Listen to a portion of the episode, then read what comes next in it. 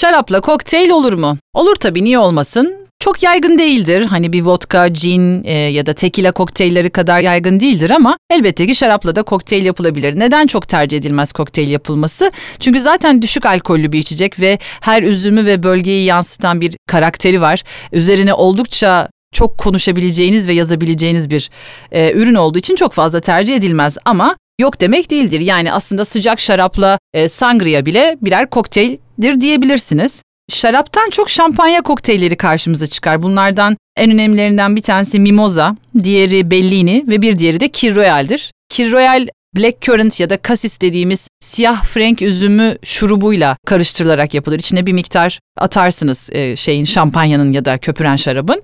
E, Bellini şeftali suyuyla, mimoza ise portakal suyuyla yapılır. Yani aslında kokteyl denebilecek boyutta bile değiller gördüğünüz gibi. Çok basit, hızlıca herkesin her gün evde yapabileceği karışımlar aslında bunlar.